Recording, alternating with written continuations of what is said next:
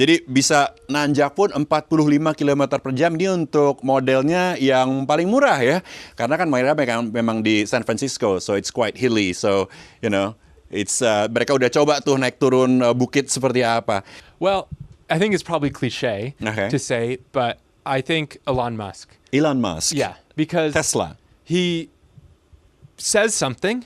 He- everyone says you're crazy. There's no way that's going to happen. Yes. And then three years later, It happened. everyone goes, "Oh, of course that happened." Right. You know, it's w- between SpaceX and Tesla. Right. And you know, Tesla's 15 minutes from my house at home. Oh, Um, wow. so you know, I a lot of people in business, especially Hmm. in the U.S., they like the idea of being an entrepreneur and they like talking about it. Hmm. But he says he's going to do something and magically makes it happen.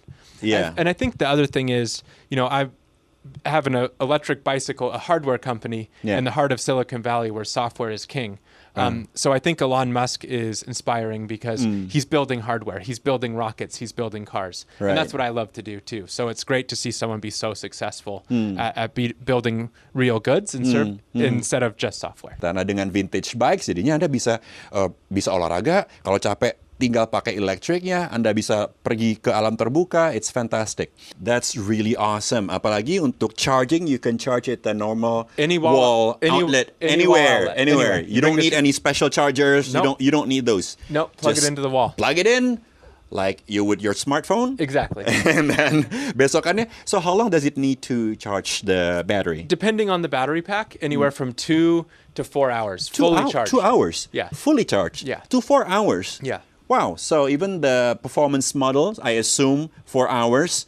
So, Yeah. so basically at night when you go to sleep, you just plug it in and just wait for a couple of hours and then it's fully charged. You can do your adventure the next morning again. So uh, how about the uh, how long how long can you uh, use it for? Easily 100 kilometers. A hundred kilometers. Yeah. So we have one of the largest battery packs in the industry. A hundred kilometers. Yeah. Instagramnya adalah uh, vintage electric bikes. Right? Yes, I think the Instagram will be vintage electric. Vintage Electric ya. Yes. Jadi Anda bisa langsung cek Instagramnya Vintage Electric. Uh, websites Uh, vintageelectricbikes.com. Hai berapa listeners, kembali di The Captain bersama saya Willy Herdi di mana kita ngobrol dengan figur-figur leader yang menahkodai bisnis mereka dan kali ini saya punya seorang tamu yang sangat spesial. Kita akan ngobrol dengan founder dan juga CEO dari Vintage Electric Bikes, Andrew Davidge. That's it. All right. Hi, Andrew. Thanks for coming to Brava Radio. So, this is really interesting. So, before we start, saya udah sempat lihat Instagramnya dan menarik banget desainnya. So, this vintage electric bikes. Tell us more about the design. Yeah, so, you know, growing up in California, I, I grew up racing bikes um, all around the United States. And I've always just had a passion for the early turn of the century. Road bikes. Uh, yeah, mountain bikes. Mountain bikes, Yeah, all right. off-road bikes. Uh-huh, Um, uh-huh. And I've just always been in love with uh, vintage motorcycles, vintage cars. So, Hmm.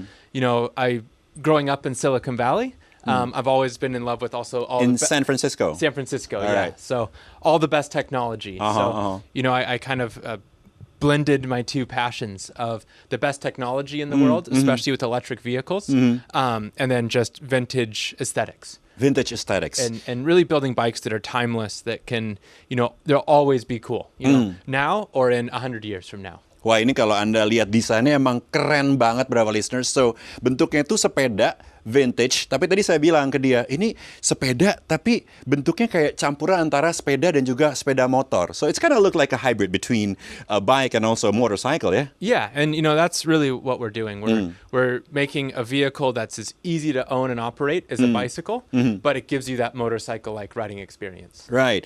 Keren banget berapa listeners. Jadi tadi kita udah ngobrol katanya ada tiga line ya. So you have, you have uh, three different lines of products. Three models. Three Yep. models, okay? Yeah. Okay. Yeah. So our first model is our 72 volt performance line, Mm-hmm. and it's you know all out performance, as close as you could possibly get to riding a motorcycle. Uh-huh. Our second one is our comfort line. So same motorcycle experience, Right. but you're upright, a little bit more comfortable. Right. Um, and then we have our pe- pedal assist line. Pedal assist. which is great. And Uh-huh. It's really more bicycle than motorcycle, but still has all that power. So um, the great thing about it is you can be going 45 kilometers an hour Yeah. up the steepest hills. You can be riding a bicycle, but you're sticking with traffic. Right. Jadi bisa nanjak pun 45 km per jam ini untuk modelnya yang paling murah ya. Karena kan mereka memang, memang di San Francisco, so it's quite hilly. So, you know, it's uh, mereka udah coba tuh naik turun uh, bukit seperti apa. So, uh, this is the fastest electric bike in the US. Yes. How fast? Um, so our our 72 volt performance line will do around 70 to 70 70 kilometers 70 kilometers an hour. an hour. Wow, 70 km per jam itu that's fast. Yeah, so it's a fast bicycle. It's a fast bicycle, it's very fast. 70 km per jam tuh kencang loh, berapa, berapa listeners ya. Itu kalau kayak uh, motor juga itu udah cukup kencang sebenarnya. Dan kalau untuk uh, model yang paling murah, the cheapest one itu 45 km an hour ya. yes. Oke, menarik banget. So um, this is uh, quite a, uh, cool looking design. How do you curate the component that the bike uses to make everything work uh, properly? Yeah, so you know we're everybody that works at the company. We're engineers and machinists, and Mm. we love building things. So we have a great p- prototype lab back Yeah. Mm. in California.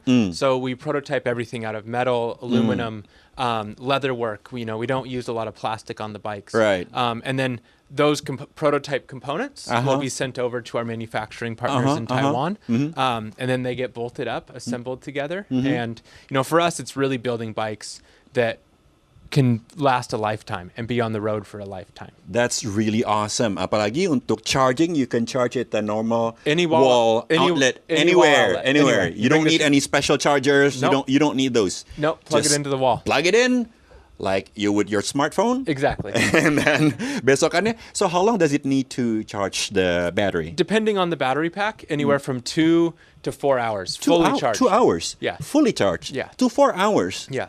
Wow. So even the performance models, I assume four hours. So, Yeah. so basically at night when you go to sleep, you just plug it in and just wait for a couple of hours and then it's fully charged. You can do your adventure the next morning again. So uh, how about the uh, how long how long can you uh, use it for? Easily 100 kilometers. Hundred kilometers. Yeah. So we have one of the largest battery packs in the industry. Hundred kilometers. Yeah. Instagramnya adalah uh, vintage electric bikes. Right? Yes, I think the Instagram will be vintage electric. Vintage Electric ya. Yes. Jadi Anda bisa langsung cek Instagramnya Vintage Electric. Uh, websites Uh, vintageelectricbikes.com. Okay. Um, and then also our distributor here in Indonesia is Throttle Bike. So Mm-hmm. I think it's uh, th- I think throttlebike um, dot .id. ID. Yeah. Uh, where in Jakarta? Um, I, I'm not sure of the exact locations. I know Uh-huh. they have a location. Deus in Bali carries them, Mm. um, and then I'm not sure of the exact locations here, but you can find them on the website. All right, so it's available in uh, Jakarta and Bali. Yeah. For the moment. Yeah, and they're uh, they're expanding to new dealerships. So For for sale or sale. for rental as well? uh, for sale, um, I don't think we've launched the rentals yet. Are you, are you going to? I would like to. Um, you know, the pandemic has made it so hard to get our hands on that precious inventory. So, Right, right. Um, now that you know things are coming back to normal a little Uh-huh, bit, uh-huh. bringing bringing more bikes into this country is, is really important and top priority for us. All right. So, uh, what are the significant uh, differences between vintage electric bikes and other e-bikes from your perspective? Yeah, from so from my perspective, Mm. um, you know, there's the design and aesthetics, but that's always subjective. Right. Um, but really, for us, it's performance, Yeah. The quality of the product, and then something we're really proud of is our backwards compatibility and upgradability. Okay. Um, there's a lot of electric bikes in the market where they come out, it's at a cheaper price point, but one or two years down the road, Mm. Right. You try to get a battery and the bikes you can't get anything for it. Right. So we make sure that our technology that we develop year after year Mm. is always backwards compatible, even Right. to the first bikes we sold in 2013. So, Mm. you know, we just launched our new 72 volt drivetrain. Mm. We brought over 150 bikes from all around the United States back Mm. into our facility. We upgraded them with the new drivetrain and Mm. then shipped them back to our customers. So um, the upgradability is really important um, in, electric vehicles to me. you know. Um, you know, if you look at a lot of the cars or scooters around here, Yeah. they've been on the road for 20, 30 years. Right. And we need to make sure we figure out a way to do that with electric vehicles. Right, so it's something that yang Anda bisa gunakan selama bertahun-tahun ke depan.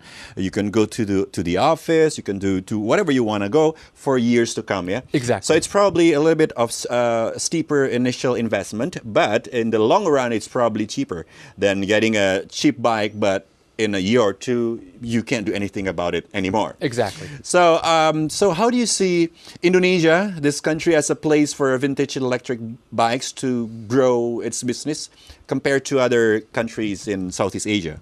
Yeah, I mean, you know, with electric bikes, there's a lot of each country has their own regulations. Um, Right, right. And Indonesia, your regulations fit perfectly into the types of bikes that Mm, we build. mm-hmm. Um, also, you know, I've spent a little time here, Mm-hmm. and you're a culture of people that love beautiful things. You love craftsmanship. Right. You love design. Right. And that's exactly what we do. Right. Um, and you also like performance.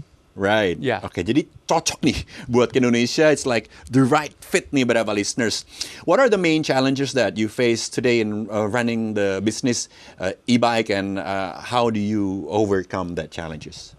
you know the biggest challenge for us is not developing new product or technology i mean that's what we love to do we do that in house Right. um, but it's really just getting bikes on our shelves Hmm. um, ever since we started the company in 2013 we've sold out within months of every single bike 2013. in 2013 back when people were not really thinking about e-bikes. they had no idea yeah they were like, "What are you making?" at, at Yeah. that time, and uh, E- now it's selling like a, a- like hot Yeah. because everybody wants it. Exactly. Okay. Um, so we've we've just continued to sell out of every product that Uh, we build. uh-huh. Um, so really, that's the next step of the business. Is Mm. it's building more bikes, um, getting them to different markets. Um, the U.S. is big for us, but Mm. Right. you know we're really focused on Indonesia, and we think this is going to be a great market for us, and and we'll be able to meet the right price points Mm. Right, and right. deliver an That- awesome that's product. important. So, what are the challenges uh, specifically for doing this kind of business in Indonesia? You know I, I think it's i think it's taking it from a special item for that a few customers like and, hmm. and bringing it and making it more mainstream To the masses. to the masses Alright. So sekali lagi kalau anda mau lihat Instagramnya ada di uh, Vintage Electric ya. The Instagram is Vintage Electric. yes Jadi anda bisa langsung lihat nih seperti apa. Ini kita ngobrol-ngobrol bentuknya seperti apa nih. Anda mau lihat bisa langsung cek Instagramnya. How do you see the growth of this e-bike business in the future?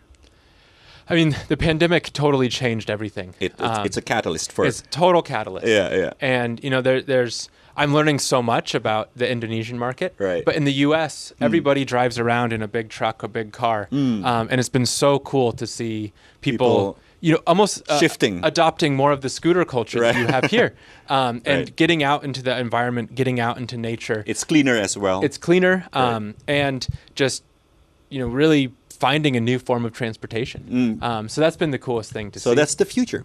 I think it is the that's, future. That's the future. But the future is happening now at the moment. So yeah, ini waktu yang tepat banget untuk Anda untuk mulai beralih ke electric bikes karena emang uh, nyaman, praktis, mudah, tidak perlu isi bensin, tidak perlu gas. It's all electric, bisa nggak colok aja di rumah. So uh, people, a lot of people say that this uh, pandemic, now endemic, is changing a lot of um, uh, things, how how you operate, how you run business, and how about you? Does does the same thing happen to you?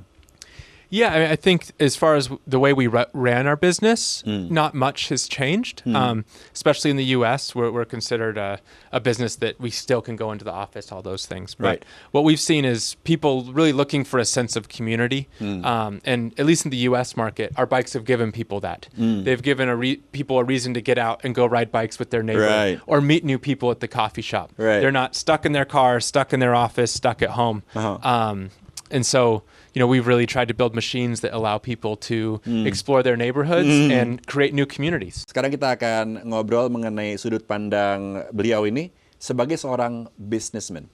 So the demographics or urban communities, what are the marketing strategies and uh, the products that you introduce to the market to cater with uh, these needs? Yeah, I, and you know, in in the U.S., uh, a lot of our customers are are right outside of major urban centers. Right. But that's the pandemic has really changed that. Um, and you know, we have such a strong platform with the bikes that we build that even a few different accessories can make all the difference. So making sure that we have racks and bags and any accessory or add-on that Right. make people's lives easier when you use the product. And then you can go for a road trip or something. Exactly. Yeah. Right. Or you know, you want to be able to put your laptop and all your stuff that you bring to work with you. Uh-huh. Um, keep it waterproof. So you know, we've through the pandemic, we've been seeing new use cases for the bikes. Mm. So we've been using kind of our manufacturing and design abilities Mm. to create new accessories that allow people to commute easier and use them for different things. Right, and because it's uh, also produced by you, it's, it's just easier to plug and play it to your bike. Exactly. Right. Yeah.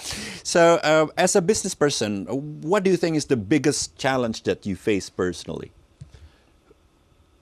Interesting question. Mm. Um, you know, I, I think it's all of the non-glamorous things. Non-glamorous things, You know. such as as you know, working with the attorneys, working you know, working on trademarks. You know, when Right, you, right, When you right. go to start a business, Yeah, yeah, you yeah. think about beautiful bikes and awesome customers. right. Um, but it's just the day in, day out grind. Right. Um, and really, and really trying to figure out, you know, how do you stay on top of it and, and Right. always stay ahead of those things, so you have time to do the things that you love. Right, You know, right, I right. love designing bikes. Right, right. I love being with my customers. Uh-huh. Um, but I need to make sure that I have scheduled my time so I, I have the ability to do those things that I love and do the Right. things that I'm truly good at. completely understandable. I feel like a lot of people could relate to what you Yeah. just say.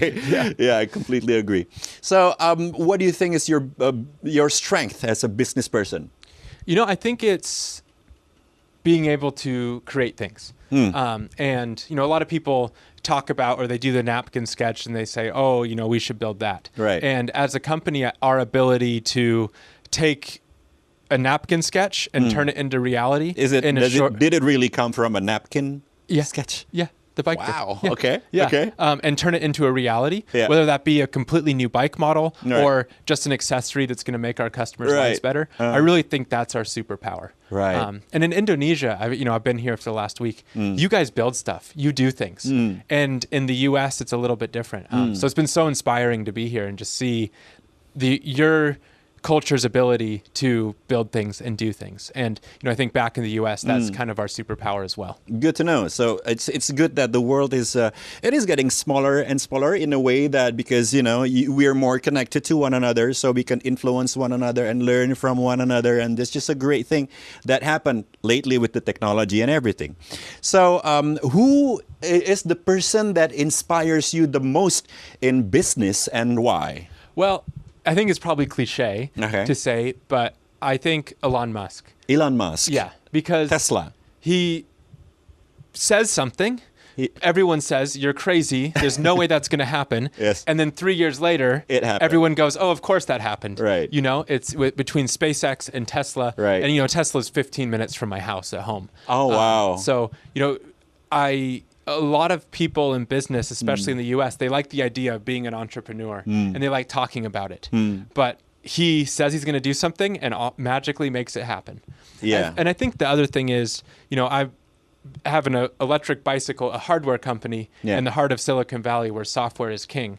Um, mm. so I think Elon Musk is inspiring because mm. he's building hardware, he's building rockets, he's building cars, Right. and that's what I love to do too. So it's great to see someone be so successful mm. at, at be, building real goods and serve, instead of just software. And probably by the end of uh, this century, we'll be living in Mars.